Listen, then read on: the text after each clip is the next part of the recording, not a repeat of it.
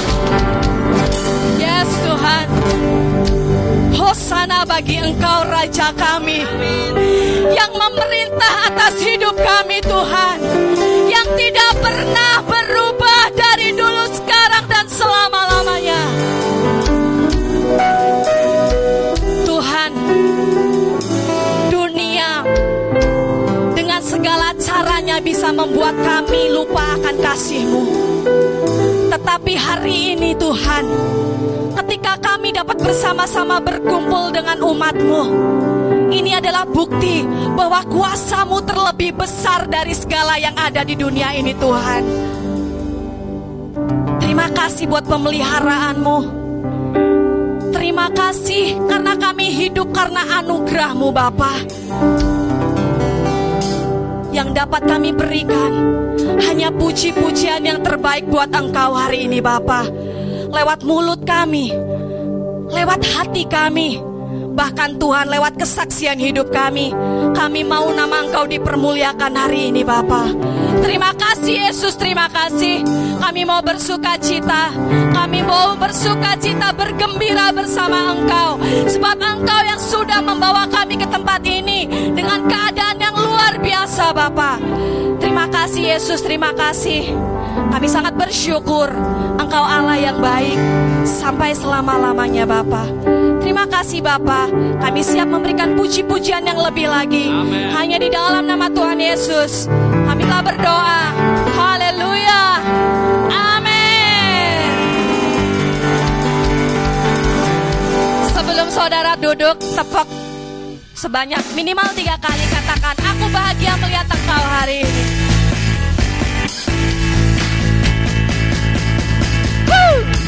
Saudara boleh duduk kembali. Saudara boleh duduk kembali. Kita bersyukur karena kasih setianya engkau dan saya ada di tempat ini. Mari naikkan syukurmu buat Yesus. Katakan. Segala puji syukur hanya bagimu. Call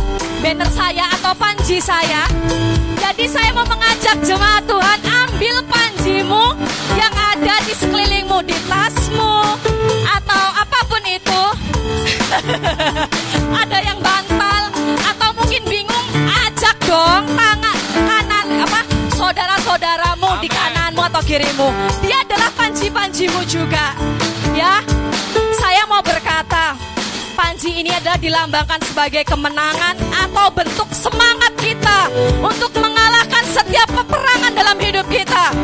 Peperangan saudara yang saudara alami hari-hari ini, sakit penyakit, pasangan hidup, keuangan rumah tangga, hari ini saya mau menang bersama Anda. Ya, kita mau sorakan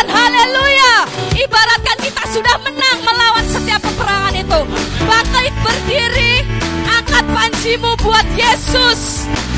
Katakan soraklah haleluya. Soraklah Haleluya. Soraklah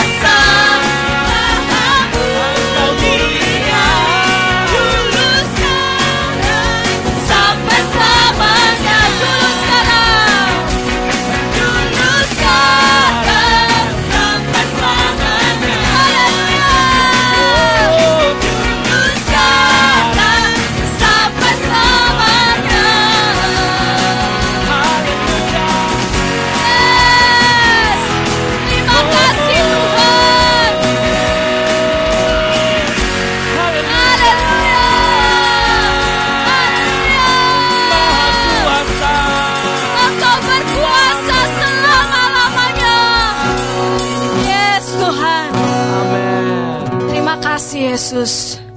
Terima kasih buat kasih setiamu yang tidak pernah berubah Tuhan. Haleluya. Dalam hadirat Tuhan, jemaat Tuhan boleh duduk kembali.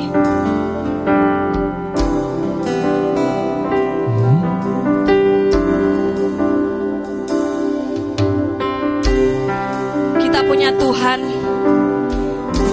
yang setia menolong saya dan saudara. Tak sedetik pun dia lalai untuk menjaga kita. Sebentar kita akan sama-sama naikkan pujian baru. Jemaat Tuhan boleh tutup mata, hayati dan renungkan setiap lirik demi lirik yang kita nyanyikan.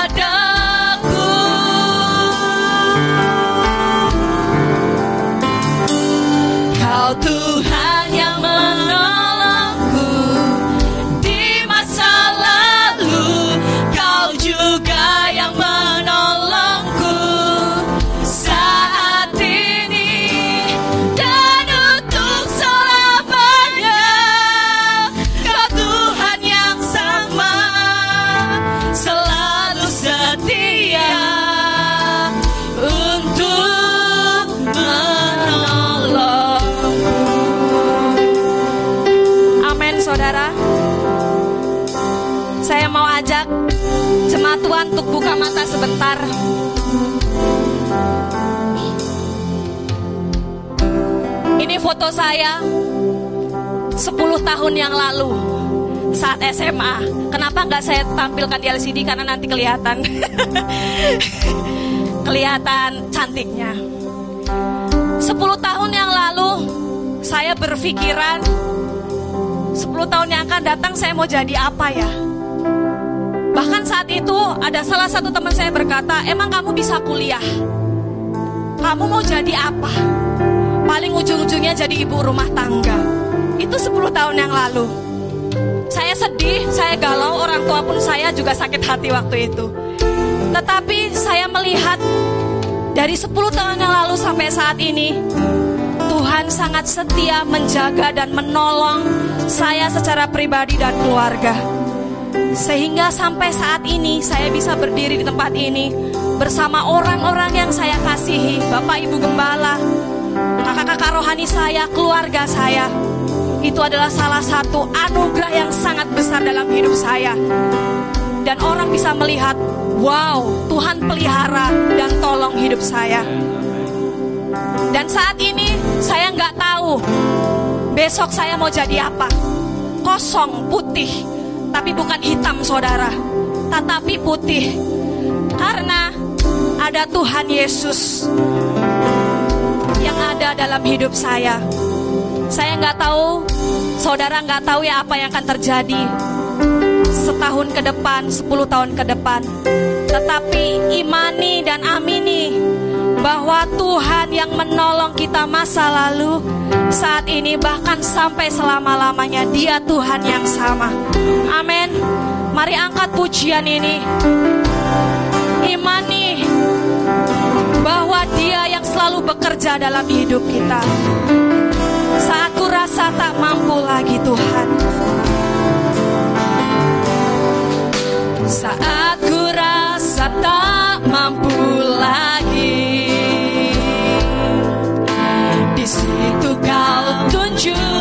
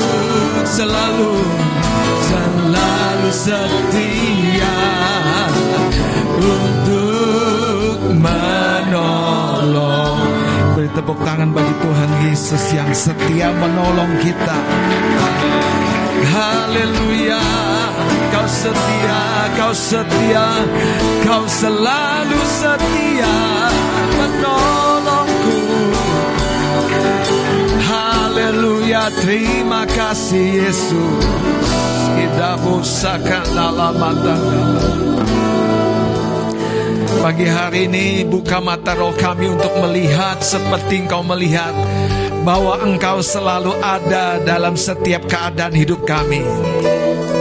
Engkau selalu hadir dan terlibat dalam setiap keadaan hidup kami. Entah baik, entah buruk. Bahkan di dalam pencobaan-pencobaan yang kami lewati pun sesungguhnya engkau ada.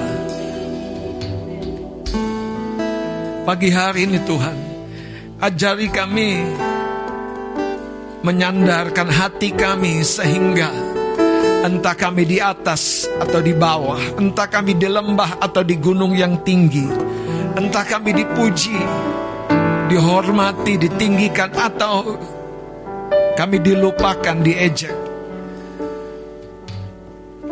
Kami mampu berkata kepada jiwa kami, it is well. It is well. It is well. Tuhan terima kasih Sebab itu yang membuat kami akan selalu melihat Tuhan Yang berperkara, bekerja, membela hidup kami. Jauh melampaui apa pun yang mampu kami pikirkan dan doakan. Terpuji namamu Tuhan. Bicara kepada setiap anak-anakmu Tuhan Sehingga masa-masa ini tidak akan lalu begitu saja tapi kami menangkap setiap tuntunanmu bagi kehidupan kami. Di dalam nama Tuhan Yesus Kristus, semua kita yang siap menerima firman Allah sama-sama katakan, amin, amin. Kasih tos lima orang paling tidak kepada kanan kirimu, baru engkau duduk. Haleluya. Jangan kurang dari lima.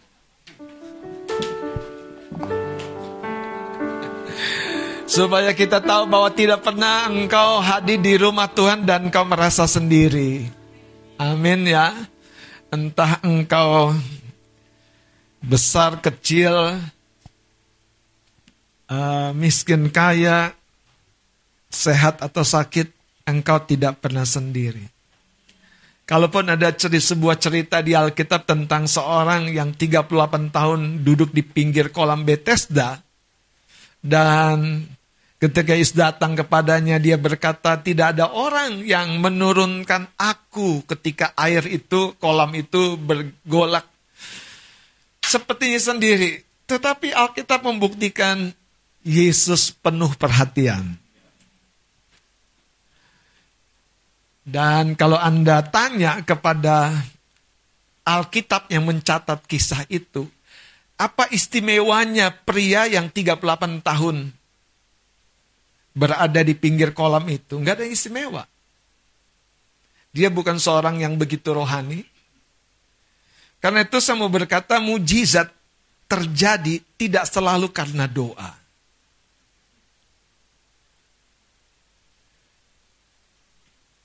Dan kita harus tahu Tuhan yang kita sembah, dia Bapa kita, dia maha kuasa. Dan saya percaya saudara itulah salah satu misi Tuhan Yesus datang supaya kita mengenal dia di dalam kemahakuasaannya. Amin. Dan di dalam kehidupan kita dia akan selalu memperagakan kemahakuasaannya. Pertanyaannya buat setiap kita, apakah engkau siap mengalami kemahakuasaan Tuhan? Seorang imam di bait Allah namanya Zakaria tidak siap. Gabriel diutus Allah dari tahta surgawi membawa sebuah pesan bahwa doamu didengar dan dijawab. Tapi Zakaria sebagai seorang yang terus berdoa menantikan seorang anak tidak siap, bahkan tidak percaya. Banyak saudara kebenaran-kebenaran yang sepertinya kontroversial, bertolakan. Jadi mujizat bisa tetap terjadi sekalipun kita tidak percaya. Bisa. Karena dia maha kuasa. Tapi masalahnya kembali kepada saudara, apakah kita melihat dia secara lengkap? Dia bukan maha kuasa, dia pengasih dan penyayang. Karena itu dia memilih engkau dan saya dengan satu maksud yang jelas. Kita bukan hanya Tuhan rencanakan untuk diberkati dalam kehidupan kita, sukses, berhasil, berbuah lebat dalam setiap bidang hidup kita. Tapi Tuhan merencanakan dari hidup kita akan ada sebuah pernyataan bahwa dia benar. Tuhan kita benar. Amin. Itu yang Daud saksikan. Nah, pagi hari ini saudara, kita akan lanjutkan uh, belajar tentang bagaimana Anda dan saya sebagai orang percaya kita harus perhatikan kehidupan kita bahwa ada dunia rohani yang tidak kita lihat yang selalu berinteraksi dengan kehidupan lahiriah kita. Mari kita akan lihat dalam kitab uh, Lukas, saudara, pasal yang keempat. Saya akan beri judul renungan pagi hari ini setelah pencobaan berakhir. Ayat yang ke-13. Lukas pasal 4 ayat 13 dan 14. Saya akan baca ya. Sesudah iblis mengakhiri semua pencobaan itu, ia mundur daripadanya dan menunggu waktu yang baik. Tetapi yang menarik ayat 14-nya, ini dalam satu rangkaian peristiwa, dalam kuasa roh kembalilah Yesus ke Galilea. Dan tersiarlah kabar tentang dia di seluruh daerah itu. Artinya dari ayat ini, saudara, ada sesuatu yang bertambah setelah pencobaan berakhir ada sesuatu yang terjadi di dalam dimensi roh ketika pencobaan berakhir. Dan ayat ini berkata, dalam kuasa roh. Jadi kuasa roh kudus menjadi nyata setelah berpuasa, dicobai, dan Yesus menang di dalam percobaan itu. Banyak orang berpikir, saudara, Segala satu yang Yesus alami, kita perlu alami. Tidak sepenuhnya begitu, saudara. Anda mau disalib? Anda bisa berpuasa 40 hari 40 malam? Jadi konsepnya jangan jangan jangan salah terap. Saudara, itu sebabnya kita lihat di sini. Tuhan mengalami semuanya sebetulnya untuk kita menerima keuntungan ketika kita percaya kepada Dia. Katakan amin. Itu sebabnya ketika Anda berdoa, Anda harus punya sebuah konsep di pikiran Anda yang benar, yang tepat. Mari kita lihat ayat 13. Sesudah iblis mengakhiri semua pencobaan itu apa? Ia mundur daripadanya. Kalau Anda baca ini seolah-olah iblis yang mengakhiri saudara. Kalau seperti ronde tinju, udah KO, udah udah mundur, udah give up, nyerah. Atau mungkin kalau lima ronde, lima belas ronde sudah selesai. Itu sebabnya begini saudara. Hal-hal ini saya sampaikan supaya kita melihat bahwa setiap kita akan mengalami ujian dan pencobaan yang spesifik, yang khusus. Orang miskin tidak akan dicobai seperti orang kaya. Orang kaya sebaliknya tidak akan dicobai seperti orang miskin. Laki-laki tidak akan dicobai seperti wanita. Tenang. ya. Seorang ayah di rumah tangga tidak akan dicobai seperti seorang ibu. Seorang bendahara tidak akan dicobai seperti seorang yang bukan bendahara. Pertanyaannya gini saudara. Kalau kita menempuh dan menjalani kehidupan kita hari ini sebagai orang muda, sudahkah kita tahu pencobaan-pencobaan kita? Ujian-ujian kita. Orang yang cantik, yang kurang cantik, pencobanya khusus. Amin kasih. kan tadi kasih udah mendeklar, ya kan? ya.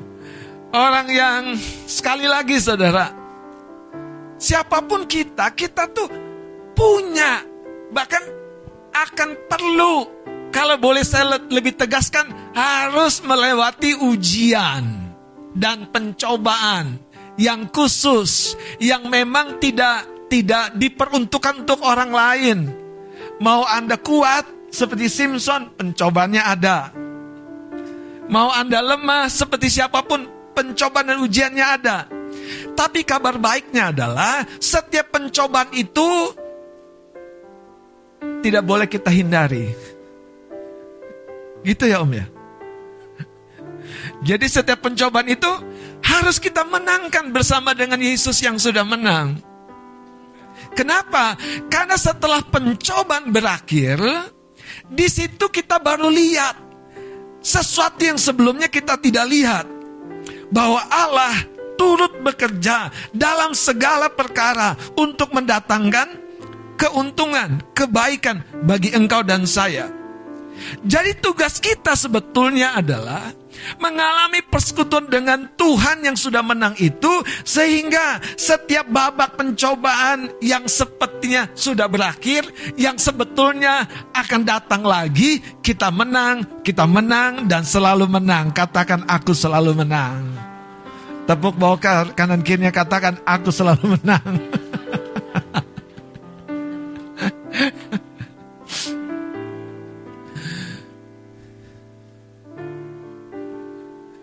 Saudara, ini yang yang luar biasa.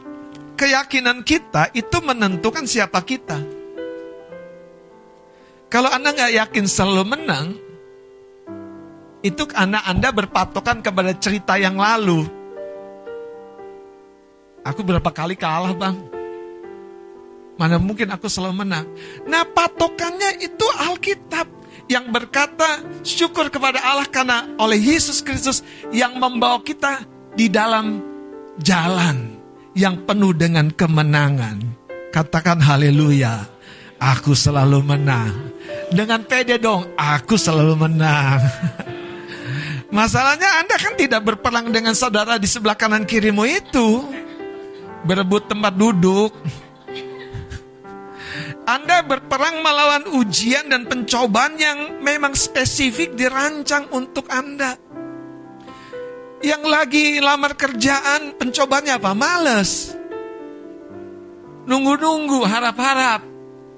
Harap-harap cemas. H2C. Tapi yang udah bekerja, apa? Jangan lupa saudara, kita masuk dalam babak pencobaan yang baru. Betul apa betul? Yang belum menikah, yang masih lajang nih. Iya kan? Pencobanya ngelirik atau dilirik kan? Tapi kalau yang udah menikah, iya. Punya pencobaan yang tersendiri. Ini yang saya mau sampaikan gini saudara. Setiap pencobaan itu ketika kita selesaikan, sebetulnya bukan sepenuhnya sudah berakhir, tapi pada babak itu kita lewati bersama dengan Tuhan. Tetapi gini saudara, ini yang kita boleh, harus taruh di pikiran kita. Setiap kita menyelesaikan ujian dan pencobaan, Seperti ketika Abraham dan Sarah melewati ujian pencobannya. Selalu ada blessing yang Tuhan sediakan yang engkau akan terima. Ini sebabnya mari kuatkan saudara. Jangan mundur. Jangan menyerah. Jangan patah semangat. Jangan galau kalau Anda dicobai dengan pencobaan yang sama, pencobaan yang sama, pencobaan yang sama, pencobaan yang sama. Jangan galau. Haleluya. Saudara, kadang-kadang kita dengan segala sesuatu yang kita punya, kita bisa, pencobaan kita tuh betul-betul begitu unik, saudara. Begitu unik. Saya akan tunjukkan sesuatu yang menjadi sebuah catatan dan pelajaran. Dalam kitab Yohanes pasal yang ke-12. Ini cerita tentang seorang murid Yesus yang bernama Yudas Iskariot. Ayat 3. Yohanes 12 ayat 3. Maka Maria mengambil setengah kati minyak narwastu murni yang mahal harganya. Katakan mahal harganya. Saudara, sesuatu yang mahal, sesuatu yang betul-betul punya harga, itu punya tantangan dan pencobanya sendiri. Kalau Anda tahu dirimu punya harga, punya nilai yang mahal, ya, Anda harus menangkan pencobaan dan ujian yang Anda hadapi. Ayat ini berkata, lalu meminyaki kaki Yesus dan menyekanya dengan rambutnya. Dan bau minyak semerbak di seluruh rumah itu ayat 4 kita baca sama-sama 2 3. Tetapi Yudas Iskariot seorang dari murid-murid Yesus yang akan segera menyerahkan dia berkata, Mengapa minyak narwastu ini tidak dijual 300 dinar dan uangnya diberikan kepada orang-orang miskin? Saudara dalam ayat ini Kitab Yohanes mencatat dengan satu pemandangan yang lebih jauh yang segera akan menyerahkan dia. Itu sebabnya saudara, kalau Yudas menang di dalam cerita ini, dia tidak akan jatuh lagi dalam pencobaan ketika dia menyerahkan gurunya. Kalau Anda menang dalam satu pencobaan, Anda bisa menang lagi. Sekalipun Anda gagal, Anda bisa menang. Asal seperti Petrus Jangan gugur iman kita. Jangan gugur iman kita. Karena setiap ujian dan pencobaan itu menghasilkan pemurnian. Di sisi yang lain itu menghasilkan sebuah kapasitas dalam hidup rohani kita untuk mengalami kehadiran Tuhan dalam setiap berkatnya. Katakan amin. Ujian bagi Daniel orang-orang muda. Apa? Ikut seperti orang muda yang lain, betul kan? Anda baca dalam kitab Daniel, kenapa? Karena Daniel masih muda. Enaknya apa? Nongkrong, happy, makan yang kenyang. Kan gak ada yang larang. Tapi Daniel berketetapan tidak menajiskan dirinya. Katakan keren. Anda keren gak? Daniel berketetapan tidak menajiskan diri dengan apa? Dengan santapan yang biasa disantap atau dimakan oleh raja. Yaitu hal-hal yang bagi hukum Yahudi pada waktu itu haram. Sekarang yang dulu haram gak haram sih. Karena Tuhan mau mau bilang gini, dulu masalahnya itu hal-hal yang lahir ya. Sekarang yang lebih bermasalah adalah motif di hati kita. Motif di hati kita. Apa yang terjadi dengan Judas. Jadi, kita tidak akan memenangkan pertandingan dalam ujian dan pencobaan itu karena ujian dan pencobaannya lebih rendah, lebih biasa-biasa. Tapi kita menang lewat ujian dan pencobaan yang harus kita lewati karena kita dipersiapkan Tuhan Bangsa Israel, saudara, paling tidak ada 600 ribu orang yang hanya berjalan kaki. Yang dicatat. Keluar. Tapi waktu mendekati tanah perjanjian, dua orang yang berkenan di hadapan Tuhan. yang memenangkan lewat banyak ujian dan percobaan di padang gurun. Gajian saudara satu juta ada pencobaannya. Gajian 5 juta makin banyak pencobaannya. Gajian 10 juta makin apa? Orang bilang 3 juta bisa memberi, bisa menabung. 5 juta punya kreditan. 10 juta bukan kreditan lagi saudara. Lupa bayar kreditan.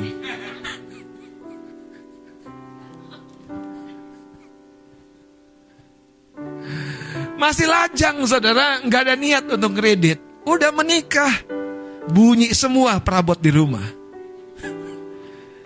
Karena merasa butuh, makanya di situ ujian kita tuh bukan yang di luar masalah, tapi di dalam. Di dalam. Katakan di dalam. Mau gaji Anda gede, gaji Anda kecil, semua kita akan melewati ujian dan pencobaan. Haleluya. Amin.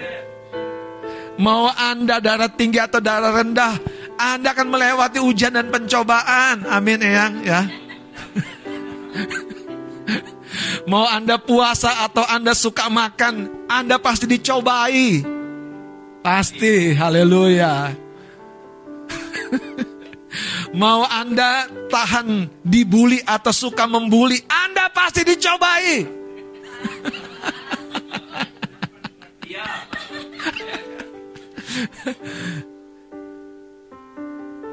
Pertanyaannya di babak ini yang pertama nih, sudahkah Anda mengenali pencobaan Anda supaya Anda siapkan diri Anda? Gimana Bang Nugrah? Sudah kenal pencobaanmu? Sudah siapkan diri? Haleluya. Wah, kayaknya bahaya nih saya nih. Coba kita baca lebih jauh lagi. Ayat yang ke-6 ini. Ah, tolong Bang Adit yang baca. Dia tidak dicobai. Ayat 6. Hal itu dikatakannya bukan karena ia memperhatikan nasib orang-orang miskin. Lihat saudara, yang di dalam hati kita itu sumber masalahnya. Bukan yang di luar. Wong orang mau traktir kita, kita mau bilang terima kasih atau cuek aja kan di dalam kita masalahnya. Betul? Ya kan? Mau dia traktir kita pada yang dia belikan buat kita tuh kita nggak suka, kita mau bilang terima kasih, terserah kita. Apakah hari ini saudara, Anda tuh hidup dengan hati yang merdeka saudara. Anda tidak dikendalikan oleh manusia lama Anda, tapi Anda dikendalikan oleh kebenaran yang menjadi rel sikap hati kita. Kalau engkau dianiaya, berkati. Haleluya. Kok susah? Susah? Enggak. Iya kan? Tapi kan nggak dicatat tuh berkatnya pakai apa, betul kan? Iya, kita aja yang suka melebih-lebihkan langsung bayangin uang. Memang ada ayatnya, berkati dengan uang. Enggak kan? Makanya saudara, dengerin saya. Pencobaan-pencobaan yang kita alami nanti kita akan ketemu itu pencobaan yang biasa. Dan yang menariknya, pasti kita bisa lewati. Kenapa? Tahu kan ayatnya nggak perlu kita buka kan? Karena Tuhan kita setia. Dan dalam kesetiaannya dia pasti memberikan jalan keluar. Setiap pencobaan dan ujian membuat kita naik tingkat. Setiap ujian dan pencobaan membuat kita makin punya kapasitas yang luas dan besar. Ujian pencobaan tentang berkat akan membuat Anda makin diberkati. Ujian tentang ketulusan akan membuat Anda makin tulus. Mau Anda terus dibenci, ampuni. Mau Anda dibenci lagi, ampuni. Mau Anda diomongin, ampuni. Dan setulus-tulusnya Anda mengampuni, itu seperti Anda punya simpanan yang besar. Dan Tuhan, itu Tuhan yang tidak pernah main-main saudara dengan firmannya. Yang menabur pasti menuai. Sekali lagi, sudahkah kita mengetahui pencobaan-pencobaan yang biasa disodorkan kepada kasih. Gimana Kak Vera, Kak Tian, Bang Marbun, gimana Bang Riki? Haleluya, salah nyuntik.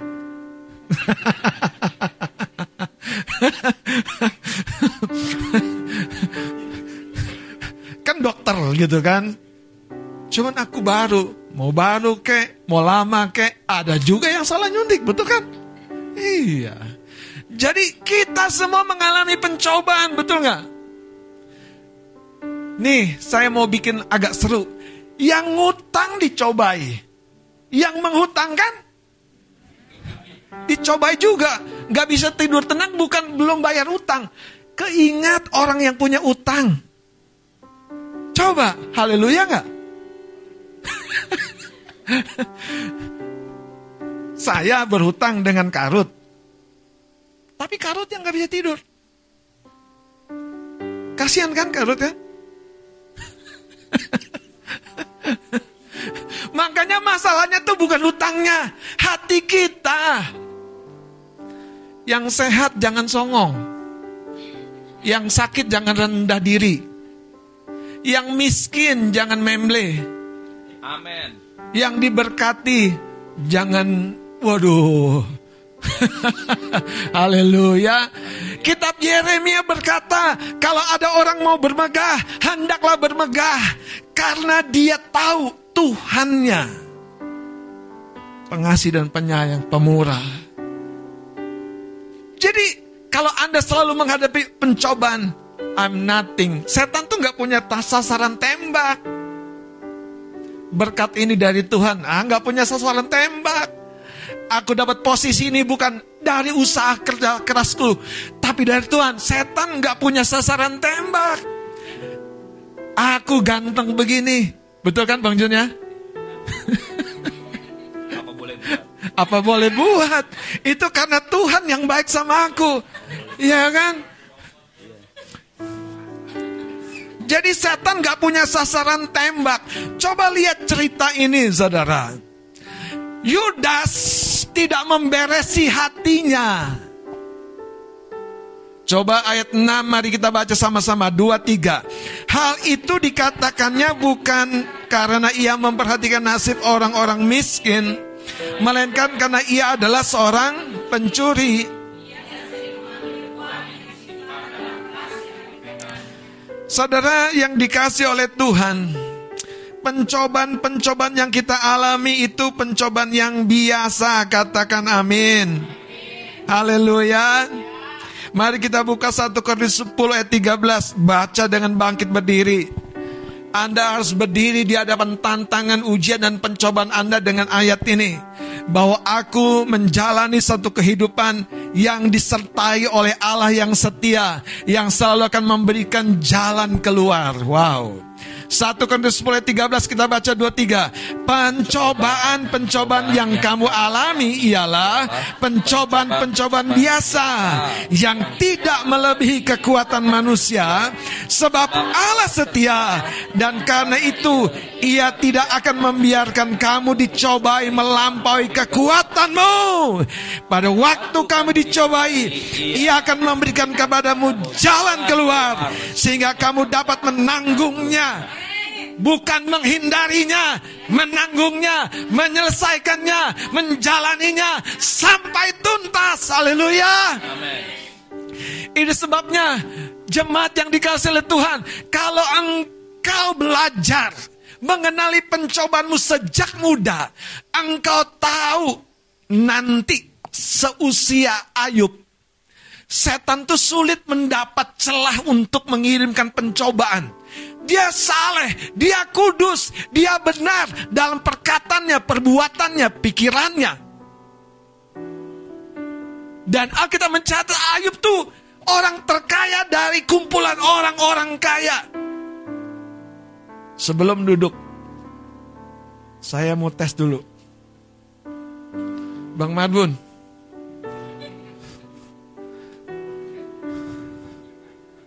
kalau Bang Adit kasih duit sama Bang Marbun. 5M. Bang Marbun mau apain?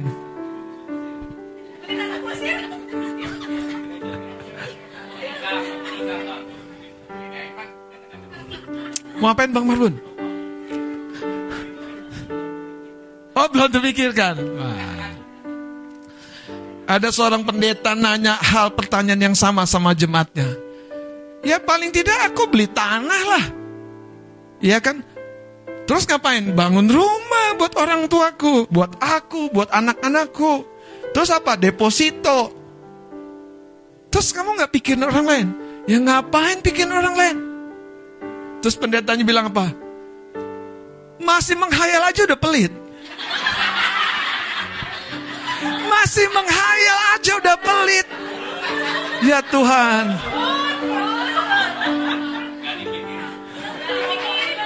Baru menghayal aja udah pelit. Itu baru menghayal, udah pelit. Kira-kira gimana kalau kejadian? Haleluya.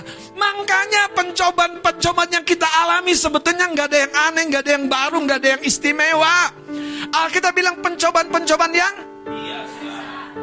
Kenapa kita selalu apa ya menghadapi pencobaan tuh kayak kita menghadapi beban berat?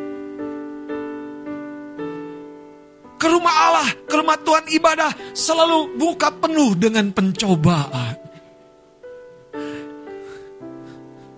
Silakan duduk puji Tuhan. Bang Baili kalau mau agak lama boleh juga berdiri. betul apa betul? Kalau kita datang ke rumah Tuhan, harusnya kita punya keyakinan iman. Karena di dalam ujian dan pencobaan itu ketika sudah berakhir, Tuhan mengupgrade diri kita. Tuhan memposisikan kita kepada satu perjalanan baru yang menuju rencananya yang sempurna, yang utuh. Jangan hindari pencobaanmu. Tepuk kuatkan sebanyak-banyak coba jemaat. Kasih tahu jangan hindari pencobaanmu. Jangan hindari pencobaanmu. Hadapi Katakan hadapi. Ay. ya, kamu itu coba.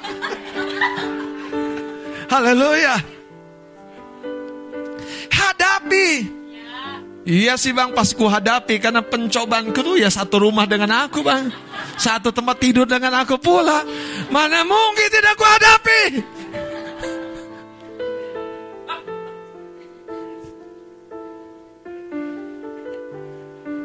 Karena nanti saudara, di tingkat berikutnya, pencobaan itu akan seperti Daud menghadapi Goliat yang kemarin aja sudah takluk singa dan apa? Beruang. Ini memang potongannya doang gede. Iya kan? Iya kan? Coba ada alat yang baru nggak? Yang dipegang Daud. Ada jurus yang baru nggak? Betul nggak Yan? Ada jurus yang baru nggak? Nggak ada. Betul kan umat lo ya? Nggak ada kan? Jurusnya apa? Injek gas, apa persneling, datang berkat. Haleluya. Betul, nggak ada jurus yang aneh-aneh. Mau anda lemah tubuh, lemah hati, lemah jiwa. Nggak ada jurus yang baru, katakan haleluya. Kenapa kita suka alergi sama pencobaan dan ujian? Tahu nggak? Kenapa kita suka alergi, suka males? Karena memang kita males mengupgrade diri. Kita males memperbaharui manusia roh kita. Kita nggak suka bertekun. Kita tuh selalu mengandalkan sifat-sifat yang lama dari manusia lahiriah kita. Itu apa? Kan nanti ada Pak Pendeta. Kalau masalah kita bisa telepon dia. Dia datang, dia mendukung kita, masalah selesai. Cuman berkatnya buat siapa? Buat Pak Pendeta lah yang menolong. Anda dapat berkat enggak? Cuman jalan keluar doang. Tapi kalau Anda belajar menyelesaikan sendiri seperti Daud. Daud dapat semua yang Raja Saul bilang. Hmm, tahu kan kisahnya? Iya kan? Akan dinikahkan oleh anak raja. Kemudian dibebaskan dari pajak. Semua ujian pencobaan tuh ada blessing di baliknya. Haleluya. Katakan amin. Hari ini sekali lagi saudara jangan mundur satu langkah pun. Maju bersama dengan Tuhan. Ketika pencobaan berakhir, Anda akan lihat kita sudah dibawa Tuhan di panggung yang berbeda. Dibawa naik. Keuletan, ketekunan. Kita berbeda. Kesungguhan hati kita berbeda. Sekalipun waktu bergumul, berjuang, rasanya sih mau menyerah, mau mundur. Aduh, gimana bang? Gimana om? Tapi saya mau beritahu saudara, hidup ini semuanya ada batas waktunya.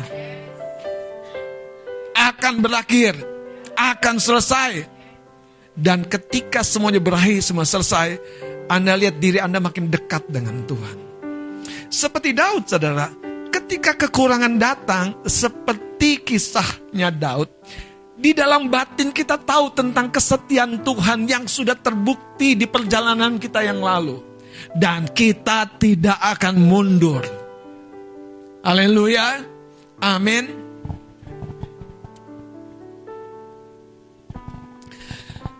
Mari kita baca ayat 13 ini saudara.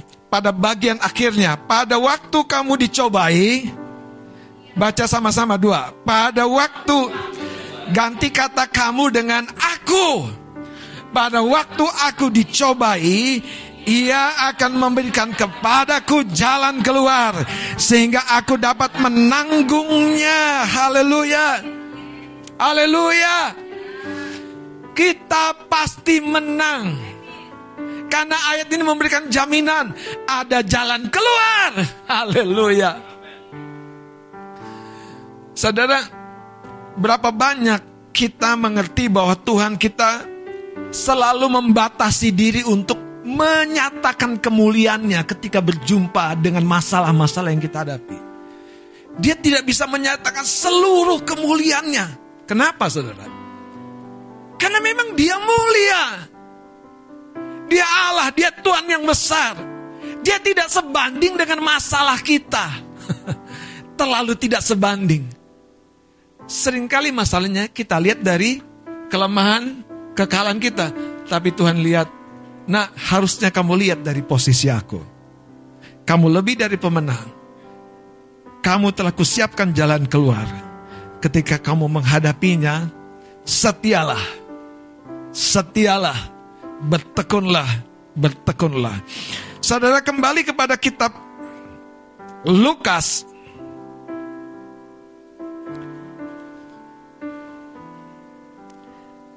ada dua hal saya mau simpulkan. Yang pertama, ayat 13, setelah iblis mengakhiri semua pencobaan itu, ia mundur daripada Yesus tetapi menunggu waktu yang baik. Artinya apa?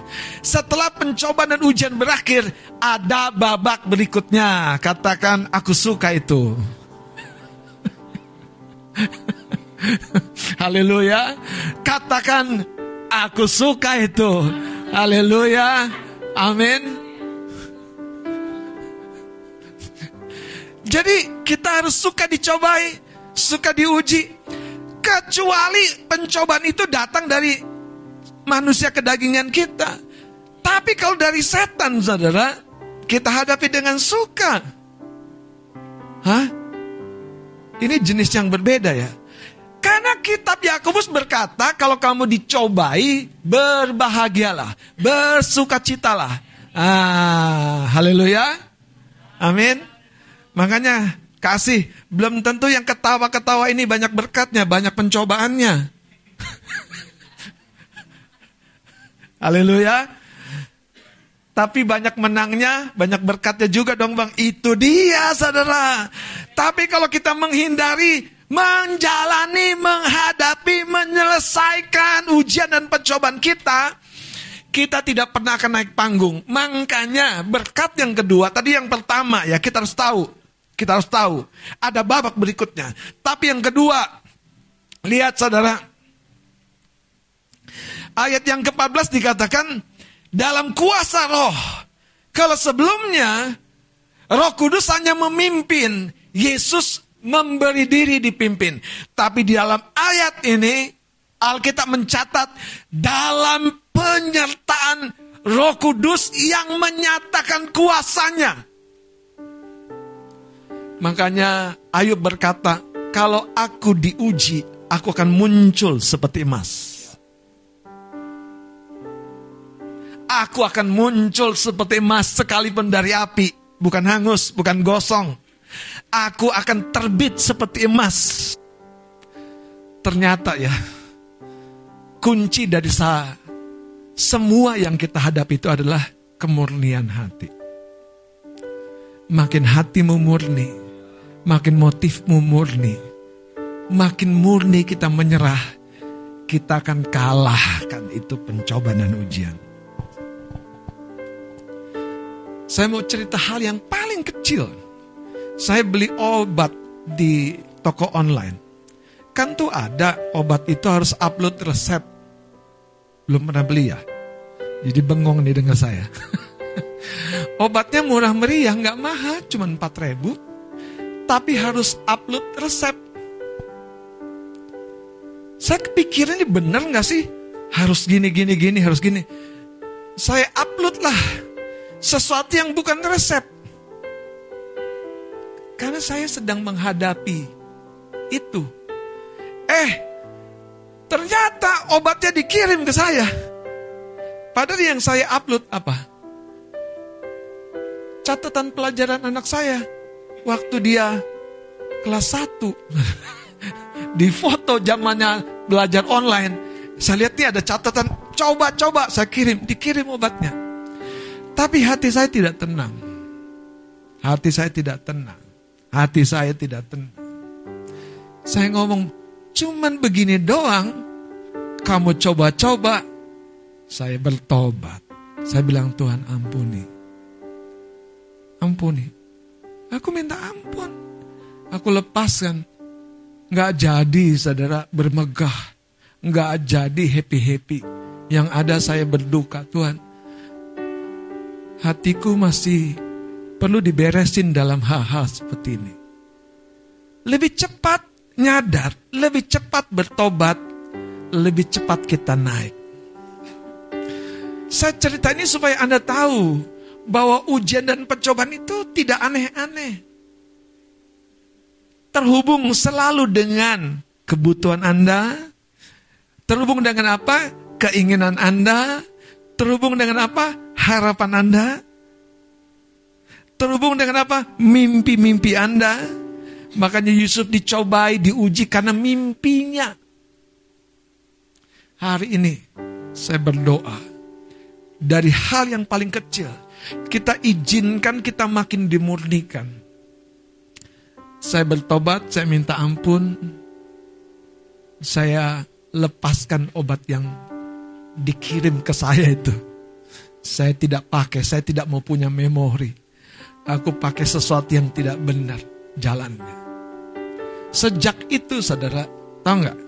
Ujiannya itu bukan masalah uang, kemurnian hati. Ujiannya bukan jalan mudah atau jalan susah. Kemurnian hati. Ujiannya ditolak atau apa-apa diterima. Bukan. Kemurnian hati. Kita jaga nggak hati kita tetap murni dari perkara yang paling kecil. Dengan cara seperti itu saya percaya setelah ujian dan pencobanya berakhir, kita dibawa naik kelas. Kita melihat kemuliaan Tuhan. Kita melihat campur tangan Tuhan. Dan dari sana, dia akan menyatakan, aku setia nak. Aku akan menunjukkan jalan keluar bagimu. Amin. Mari kita bangkit berdiri, kita akan berdoa. Kiranya setelah ujian dan pencobaan kita alami, yang mungkin adalah kita hadapi dalam kesendirian. Kita punya kesempatan untuk bertumbuh, katakan amin. Dan menjadi lebih dewasa, lebih matang, lebih kuat. Atau pertanyaannya pada siang hari ini, kita akan kehilangan kendali atas diri kita. Dan kita gagal dalam ujian dan pencobaan itu. Saya berdoa kita bersedia dididik oleh Tuhan, diajari oleh Tuhan.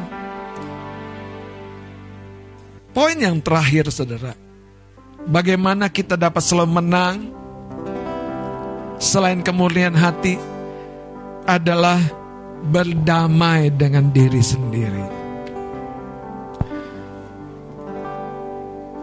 Ayub berkata, dengan telanjang aku datang daripadamu. Dengan telanjang juga aku akan kembali kepadamu. Tuhan yang memberi Tuhan yang mengambil. Terpujilah nama Tuhan. Ayub memiliki sebuah hati yang murni. Ayub memiliki sebuah hati yang berdamai. Cerita terakhir sebelum kita doa. Kan ini masalah-masalah yang kecil. Saya diberkati motor. Puji Tuhan dalam anugerahnya tidak nyicil, beli langsung cash. Datang ke rumah, namanya motor Pak Gembala, dipakai dong untuk pelayanan. Satu hari ada teman uh, hamba Tuhan pinjam untuk tugas pelayanan. Pulangnya motornya lecet. Kira-kira hatimu bagaimana? Nunggunya lama Tuhan. Dia bikin lecet seenaknya ganti. Tahu nggak? Saya bilang begini, makasih Tuhan, kalau lecet itu tandanya motorku berguna. Jadi saudara, kalau kita punya tadi hati yang berdamai, setan nggak punya tempat.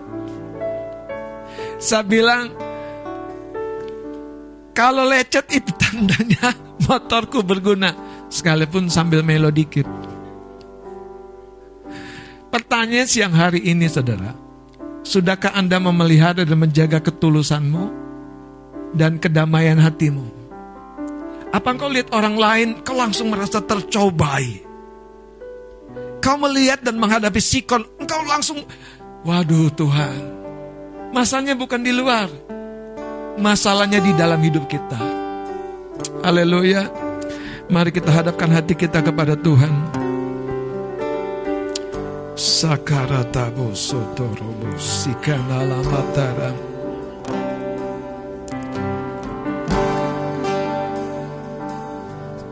Semakin ku bersyukur Ku dapat menikmati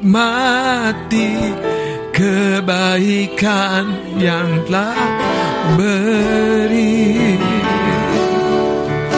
Semakin ku terdebur Ku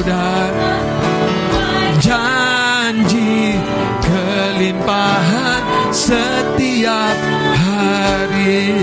Katakan semakin Semakin ku bersyukur Ku dapat menikmati Kebaikan yang tak kau beri. Semakin ku menabur Ku dan menuai janji Kelimpahan setiap hari Saya mau kita pahami lagu ini saudara Satu kali ada seorang penyair di bait Allah namanya Asaf Asaf ini orang pentingnya Raja Daud karena dia pemimpin ibadah. Satu kali dia melihat orang yang tidak takut akan Tuhan, sehat, gemuk. Dia melihat orang yang tidak peduli dengan Allah, sepertinya diberkati. Dia melihat bahkan keturunannya baik-baik saja. Tapi Mazmur 73 mencatat, itulah ujian bagi dia, bagi Asaf.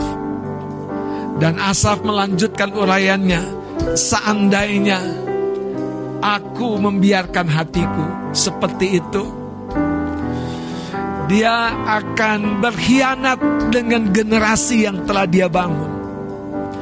Ternyata saudara, bagi seorang pemimpin menghidupi, mempertahankan nilai-nilai itu tidak mudah. Tapi Alkitab mencatat setelah pencobaan berakhir, setiap orang yang bertanding, setiap orang yang berjuang akan menerima ganjarannya. Amin. Pagi hari ini saudara, mari bangun ketulusan. Mari bangun saudara hati yang berdamai. Sehingga kita jalani ujian dan percobaan kita dengan hati yang percaya Tuhan setia. Amin. Naikkan pujian ini dari awal. Tiada terukur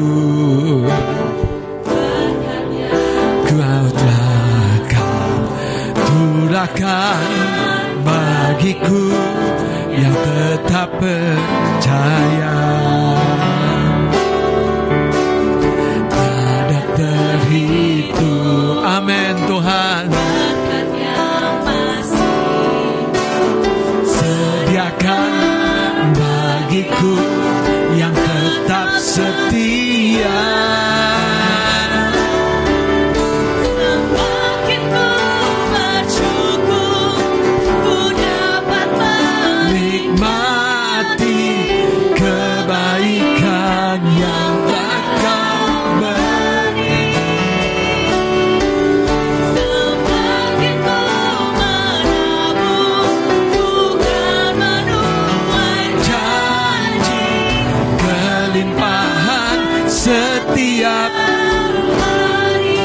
Wanita naikkan pujian ini dari awal.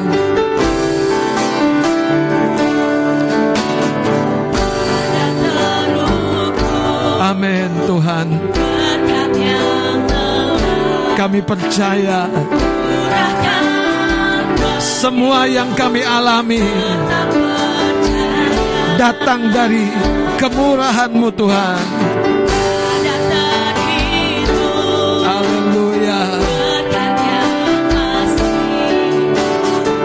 Sediakan.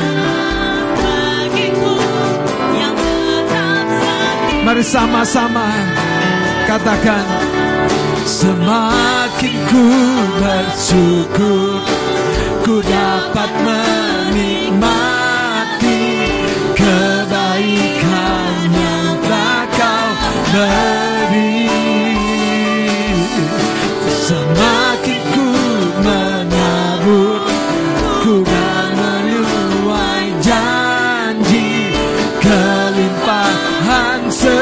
setiap hari. Mari katakan semakin Semakin ku bersyukur Ku dapat menikmati Kebaikan yang tak kau beri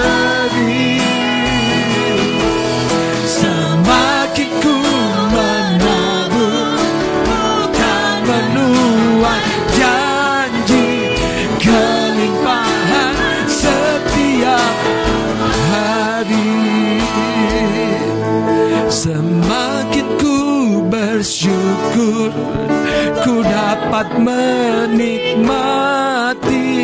Kebaikan yang Semakin ku menabur.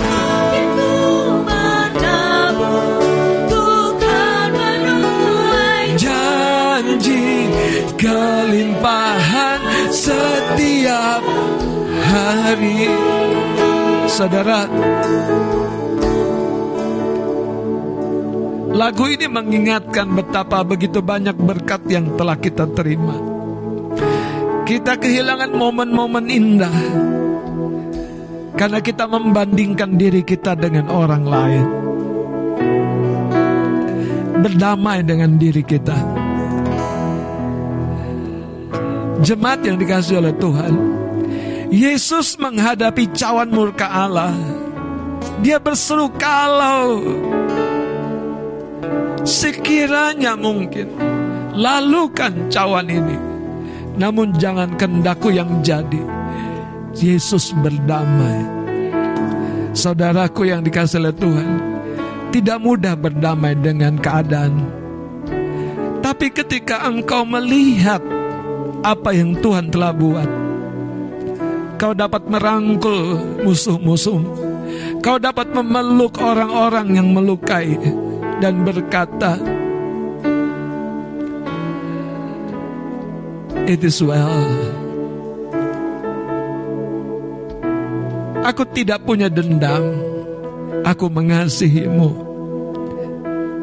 Dan di kesempatan itu, setiap orang yang menabur kebaikan, setiap orang yang menabur rasa maaf, pengampunan, surga terbuka bagi dia. Surga sungguh-sungguh terbuka bagi dia. Itu sebabnya Yesus pakai sebuah perumpamaan. Ada dua hamba yang diceritakan. Yang satu hutangnya banyak sama raja diampuni karena memohon. Tapi keluar mendapati temannya hamba yang kedua. Hutangnya sedikit kepada dia. Dicekik dan dijebloskan dalam penjara. Sahabat daripada hamba yang kedua cerita sama raja raja berkata panggil hamba yang pertama itu yang tidak tahu bersyukur saudara Salah satu kunci berdamai dengan situasimu, berdamai dengan dirimu. Berhenti melihat terlalu jauh keluar. Lihat ke dalam hidupmu betapa setia dan baiknya Tuhan. Anak-anak muda, jangan jalani waktu-waktu ke depanmu dengan kekecewaan, kemarahan, kecemburuan, kesedihan, patah semangat, Karena engkau bergeser dari jalanmu. Karena engkau sukar berdamai. Ini waktu yang terbaik Berdamai dengan dirimu Yang pertama Dengan bersyukur Lepaskan apa pun yang memberatkan hatimu Di tempatmu engkau berdiri Siapa pun Bapak Ibu berdamai dengan dirimu. Kalau engkau dalam waktu-waktu ini menghadapi keadaan-keadaan yang selalu menguji ketulusanmu, kemurnian, katakan it is okay. Aku akan berjalan terus bersama dengan Tuhanku. Semakin ku bersyukur Ku dapat menikmati Kebaikan yang telah kau beri Semakin ku menabur ku dan menuai janji. Kelimpahan setiap hari. Nyanyikan dari hatimu yang paling dalam. Semakin ku bersyukur ku dapat menikmati kebaikan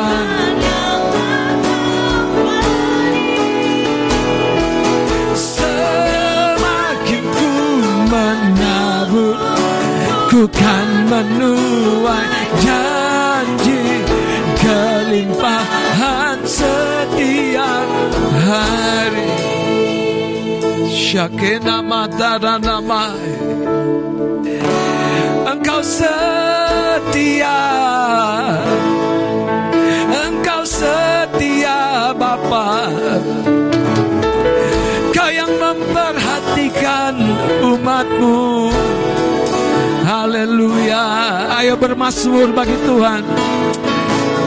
Kami bersyukur, kami bersyukur, kami bersyukur. Pertolonganmu tiada pernah terlambat. Haleluya. Oh. Bapa, Bapa, Bapa kami bersyukur. Kami bersyukur. Kami bersyukur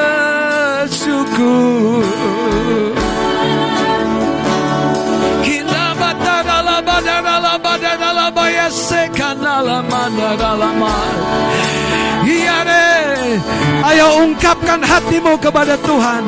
Ungkapkan hatimu kepada Bapa yang setia. Allah yang memperhatikan perjalanan hidup kita.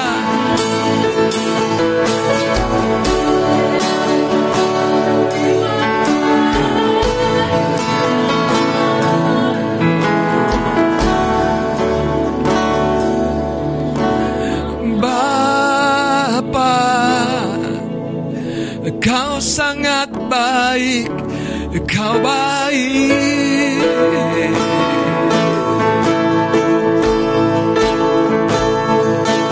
Oh Bapa, Kau sangat baik, Kau baik. Angkat hatimu katakan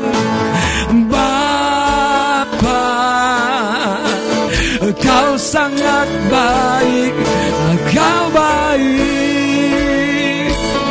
Oh Bapa. Bapa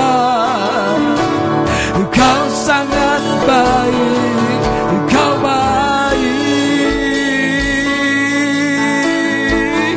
Terpujilah Terpujilah kasih karuniamu. Mulia bagi kita Di dalam Yesus, Yesus selamanya Terpujilah.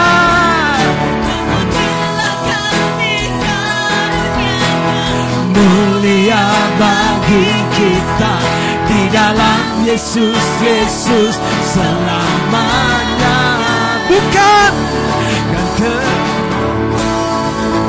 Bukan kemurahanku Namun kasih karuniamu yang menyelamatkan aku.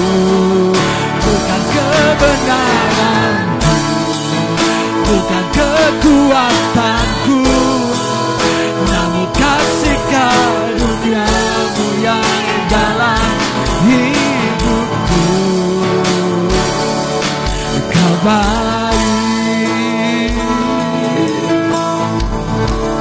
Saudara lagu ini Diciptakan oleh orang yang berdamai dalam dirinya Dalam hidupnya Berdamai dalam situasinya Berdamai dalam pergumulannya Berdamai dalam ujiannya Dalam pencobaannya Inilah lagu seorang seperti Asaf. Ayo lepaskan blessingmu bagi orang lain, bagi keadaanmu. Biar rumah Tuhan penuh dengan atmosfer kasih dan penerimaan. Katakan Bapa, Bapa, Kau sangat baik, Kau baik. Mari angkat tanganmu, katakan Bapa, Bapa, Kau sangat baik, Kau baik. Lagi katakan Bapa, oh Bapa. Kau sangat baik,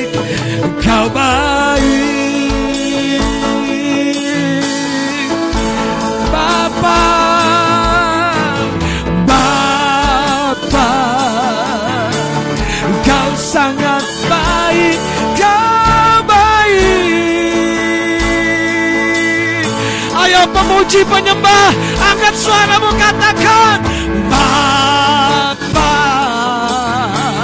Kau sangat baik, kau baik. Beri yang terbaik bagi dia. Katakan Bapa.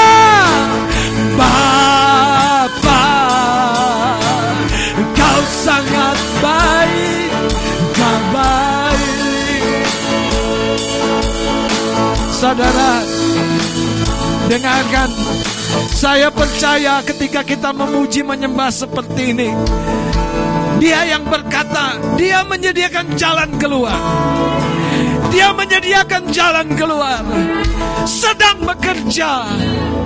Karena ketika engkau memuji menyembah mengangkat tanganmu, dia Bapa yang sangat merindukan penyembah-penyembah yang memuji menyembah Dia dalam roh dan kebenaran, dalam ketulusan, dalam understanding, dalam penyerahan.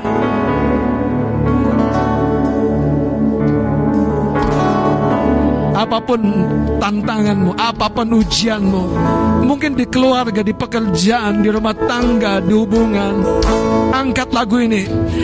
Bapa, kau sangat baik. Dia yang membela, dia yang berperang bagi hidup kita. Bapa,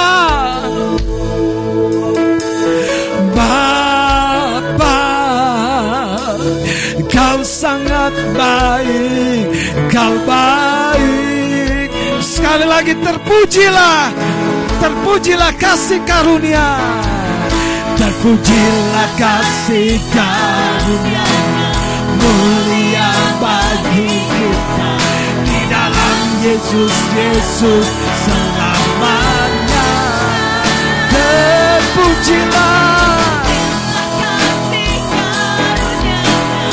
mulia bagi kita di dalam Kristus Yesus. Selamanya bukan kebaikanku bukan keduatanku Tapi kasih karuniamu yang selamatkan bukan. Kebenaranmu Bukan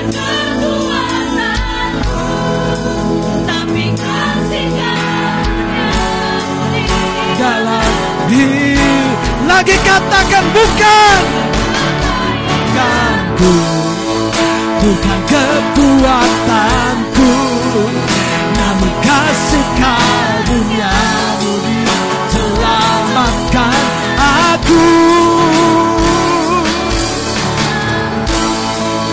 Bukan kekuatanku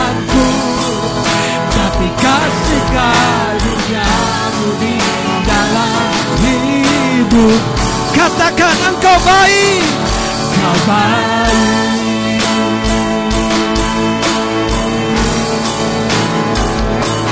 Kau baik.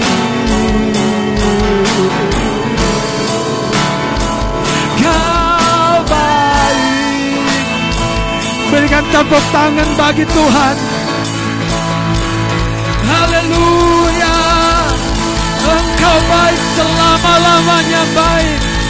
Selama-lamanya baik.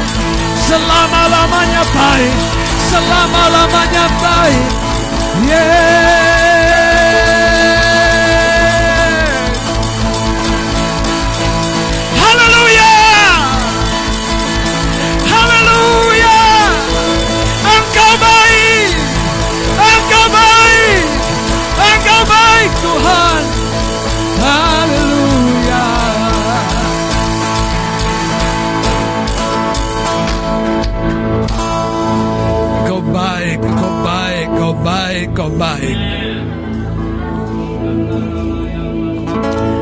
Ada satu perkataan Daud ketika dia menghadapi situasi yang tidak mudah. I put my trust in you, Lord. You are my strong tower.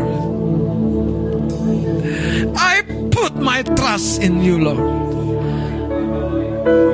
Waktu Anda taruh rasa percayamu di dalam Tuhanmu, di dalam Bapamu, Engkau tahu kasih karunia-Nya lebih dari cukup.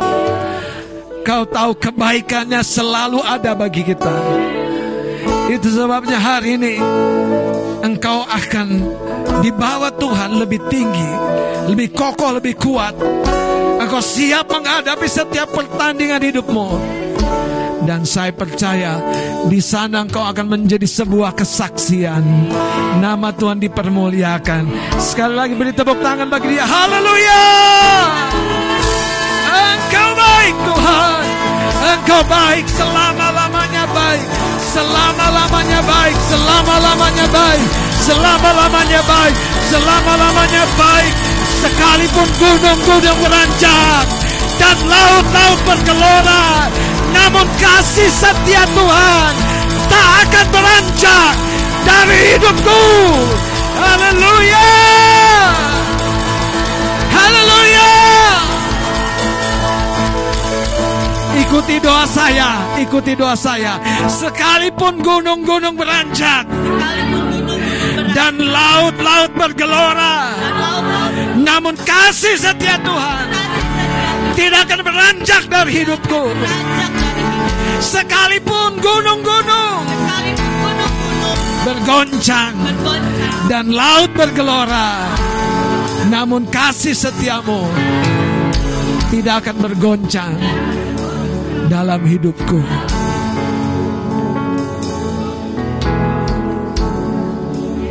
Kinamutara sekatara seta.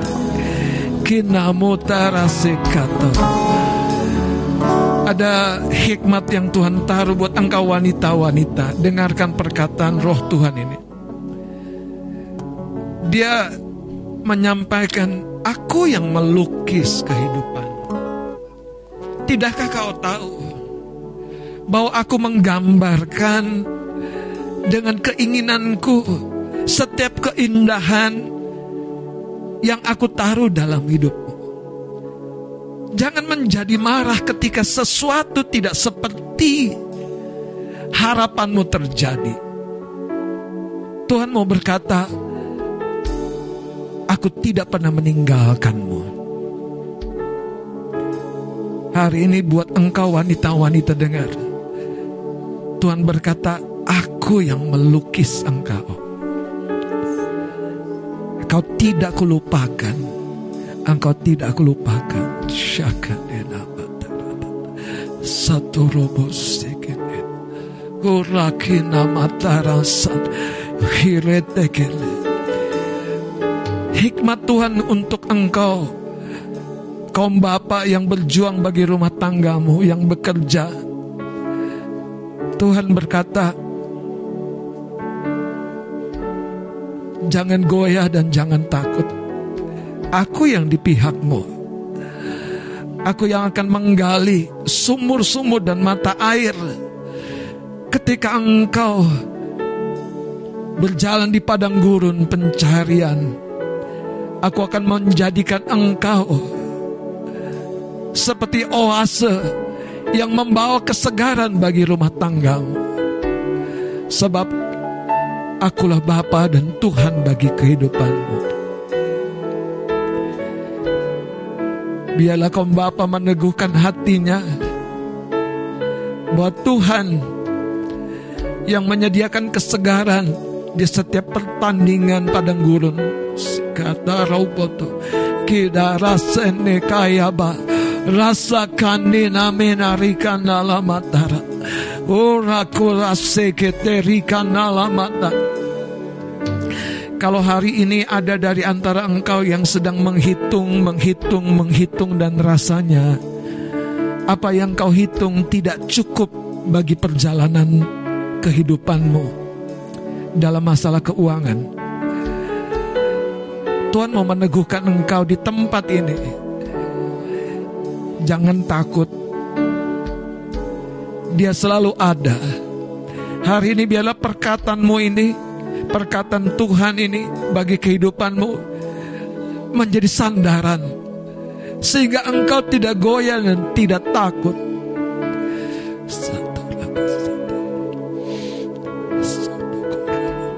Terima kasih Tuhan. Nama taran, nama taran. Tidak ada satu ujian dan percobaan yang tidak mampu kami lewati. Tidak mampu kami hadapi semua oleh kemurahanmu, oleh kasih sayangmu. Kami mampu hadapi dan selesaikan. Terima kasih Roh Kudus. Kami mengucap syukur. Kami tahu Engkau masih akan berbicara. Selesaikan Tuhan. Teguhkan anak-anakmu. Sebab tidak ada satu orang pun yang tidak di hatimu. Hamamu selesai berbicara. Tapi biarlah engkau terus menuntun kami. Kami pulang dipulihkan, diskenyangkan, disembuhkan. Terima kasih Bapak. Di dalam nama Tuhan Yesus. Sekali lagi katakan sama-sama. Amin, amin, amin, amin. Beri tepuk tangan bagi Tuhan yang terbaik. Haleluya. Silakan duduk Bapak dan kasih oleh Tuhan. Saya berdoa, saudara, ketika kita berseru kepada Tuhan, kita mulai terbiasa bahwa Dia pasti merespon, Dia pasti menjawab. Itu sebabnya waktu kita memuji, menyembah, berseru kepada Tuhan, lakukan dengan segenap hati. Dan itulah sebetulnya rumah Tuhan, di mana Dia Allah yang hadir, Dia pribadi yang merespon kita, merespon kita. Tuhan Yesus memberkati, haleluya.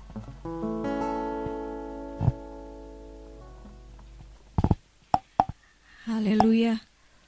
Puji Tuhan, firman Tuhan yang memberkati saya dan saudara pastinya. Coba, ayo kita sama-sama katakan sambil pegang hati kita. Berdamai dengan diriku sendiri. Sambil menghela nafas. Berdamai dengan diriku sendiri. Sekarang gantian, berkati atau beri semangat buat kanan kirimu. Berdamai dengan dirimu sendiri. Bernamai dengan dirimu, Ibu Huta Galung, Weh, Grace Simbolan, Pak D, dan semua untuk kita semua. Puji Tuhan.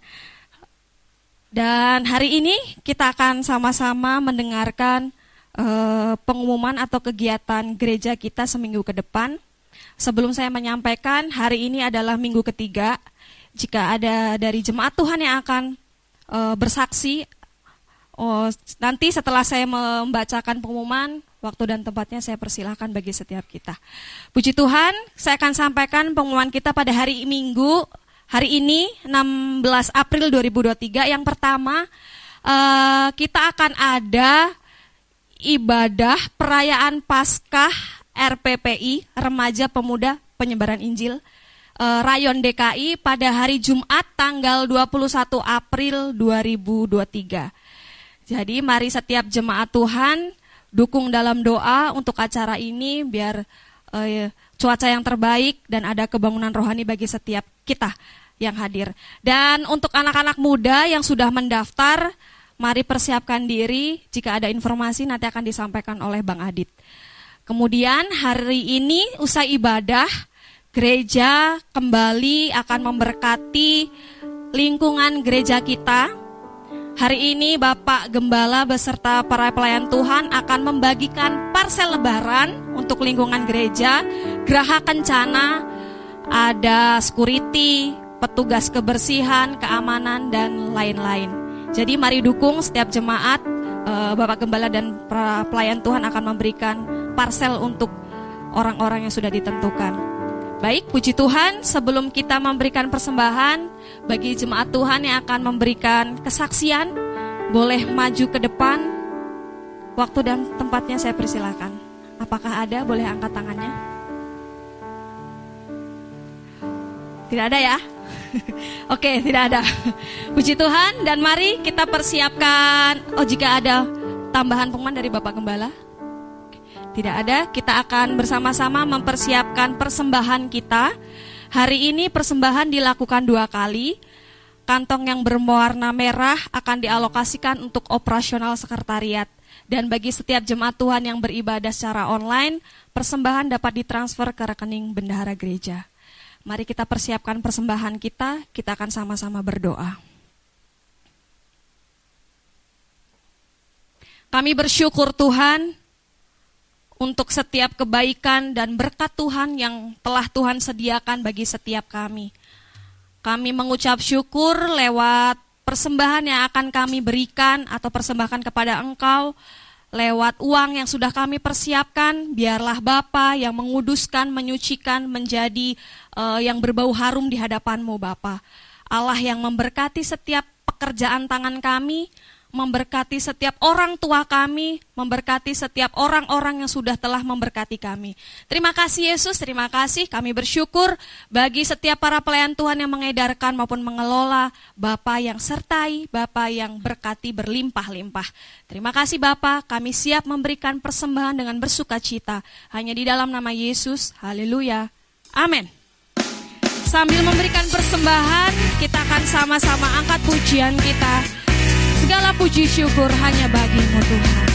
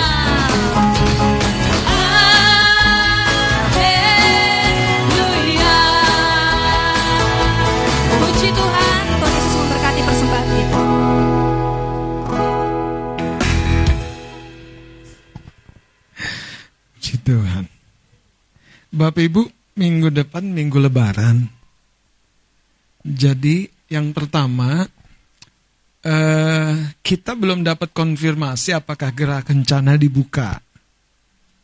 Ya, semoga dibuka sih. Ya, jadi kita tetap bisa ibadah di sini. Tapi nanti akan diinformasikan dengan lengkap di grup. Ya. Jadi Bapak Ibu jangan tidak beribadah minggu depan. Tadi ya, masing-masing kita menghadapi ujian dan pencobaannya sendiri. Oke, yang berikutnya eh, minggu ini minggu liburan. Ada yang rencana mau pulang kampung? Jalan-jalan? Ya. Jadi eh, biasanya di musim seperti ini lalu lintas ekstra padat. Karena itu saya cuma pesan tetap dan semakin berhati-hati ya, semakin berhati-hati. Kemudian juga jangan kendor doanya karena eh dalam masa-masa seperti ini biarlah kita terhindarkan dari gangguan-gangguan kecelakaan, mara bahaya dan lain-lainnya. Itu poinnya yang penting. Dan yang satu hal lagi, eh, sekali lagi ini berkaitan dengan Idul Fitri, minggu leba, eh, minggu minggu liburan ini. eh, doakan juga supaya ada beberapa jemaat yang menginformasikan kondisi kesehatannya yang sedang terganggu. Dan itu tidak sedikit, bukan satu dua. Ya. Jadi kalau beberapa orang yang biasa hadir tidak hadir hari ini, mereka bukan tidak mau hadir karena mereka kurang sehat. Ini dari kemarin Jumat Agung kabarnya. Dan ternyata bukan hanya di tempat kita. Saya berjumpa dengan pendeta Muriono, dia cerita dia juga baru saja sakit. Dan yang menarik juga jemaat juga ada beberapa yang sakit bahkan sampai berangkat dan meninggal di Jumat Agung, di kuburnya hari Paskah. Sakit. Dan keadaan-keadaan ini bukan sekedar sakit biasa. Tetapi begini, eh, kita harus menjaga kerohanian kita karena setan itu dia mencari-cari saudara cara. Tadi yang saya cerita ya di lalu lintas. Yang kedua di di makanan. Jangan kalau di hari raya kita lupa diri semua dimakan. ya, jangan semuanya dimakan dan biarlah tetap bijak karena sekali lagi uh, saya pernah melewati masa rumah sakit dan puskesmas tidak ada tempat bagi pasien COVID dan seorang teman saya, ibu pendeta meninggal karena COVID dan tidak bisa tertangani dengan baik. Uh, setan itu tadi ya meng, mem, membuat kita lalai, membuat kondisi-kondisi sampai di mana kita tidak bisa uh, melewati masa-masa yang sebetulnya sukacita, damai, tapi kita uh, tidak berjaga-jaga. Nah, karena itu saya mendorong Bapak Ibu untuk tetap Eh, berwaspada. Amin. Ya amin ya. Termasuk dengan rumah yang Anda yang Bapak Ibu tinggalkan kalau jalan pulang kampung. Ya, tetap uh, bawa dalam doa supaya tidak ada pencurian, tidak ada kebakaran dan lain-lainnya. Sekali lagi Tuhan Yesus memberkati. Baik, puji Tuhan. Uh, biar setiap kita yang pulang kampung, yang tetap di rumah, tetap berjaga-jaga di dalam doa.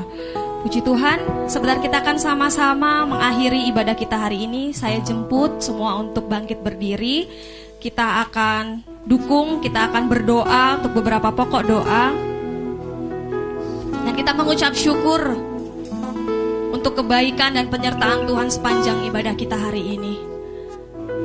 Makasih Tuhan Yesus, Engkau yang setia, dan sedang bekerja untuk setiap pergumulan kami masing-masing Tuhan. Terima kasih dan kami percaya Tuhan, kami akan menyelesaikan setiap pertandingan kami dengan kemenangan yang daripada Engkau. Hari ini Bapa, kami berdoa mengangkat tangan kami untuk seluruh jemaat GPI Kemah Pujian Bapak kami berdoa ada kebangunan rohani di dalam jemaatmu Bapa. Ada pemulihan perekonomian bagi setiap kami. Ada kesembuhan bagi setiap sakit penyakit yang dialami setiap kami Bapa. Kami mengangkat tinggi tangan kami untuk saudara-saudara kami yang saat ini masih terbaring sakit di rumah maupun di rumah sakit. Yang menjalani rawat jalan, kami memberi semangat dan doa bagi setiap mereka. Jamah, ulurkan tanganmu bagi mereka.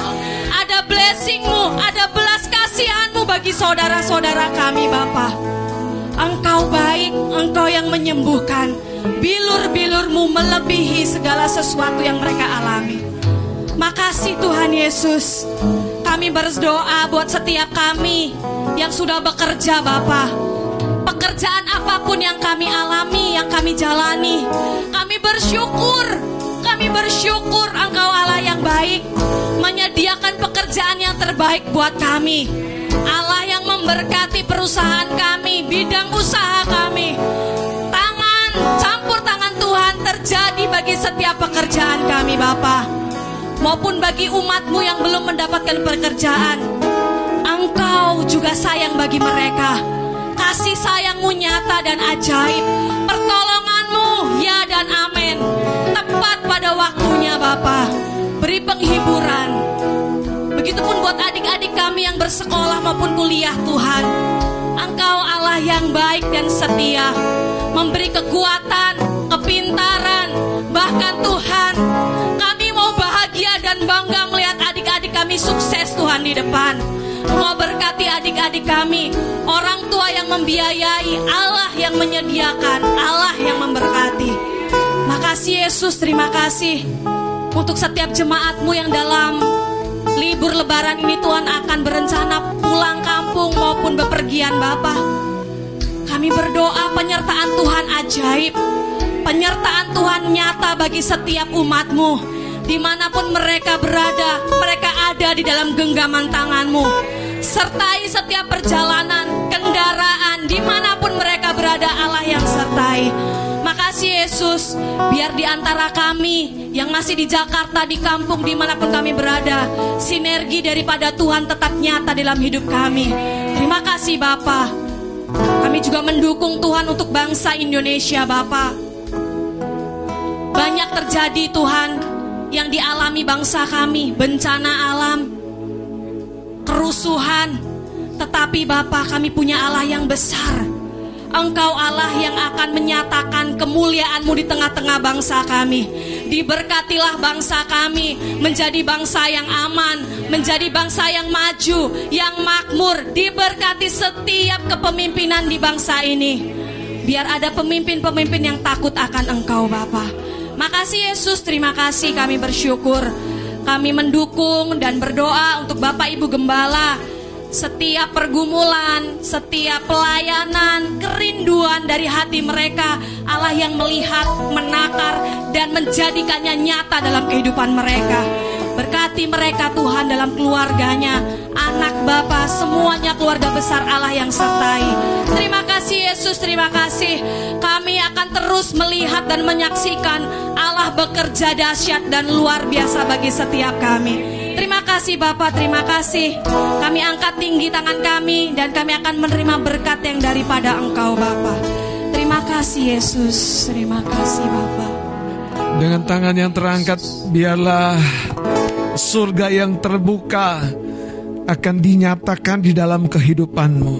Berkat dan kasih karunia dari Allah dan Bapa yang setia, yang selalu memberikan jalan keluar ketika ujian dan pencobaan yang harus kau lewati, yang sebetulnya akan membawa engkau naik, engkau tidak akan dikalahkan, engkau tidak akan dibiarkan mundur dan jatuh, engkau akan ditopangnya menjadi lebih kuat, engkau dibuatnya menjadi berhasil.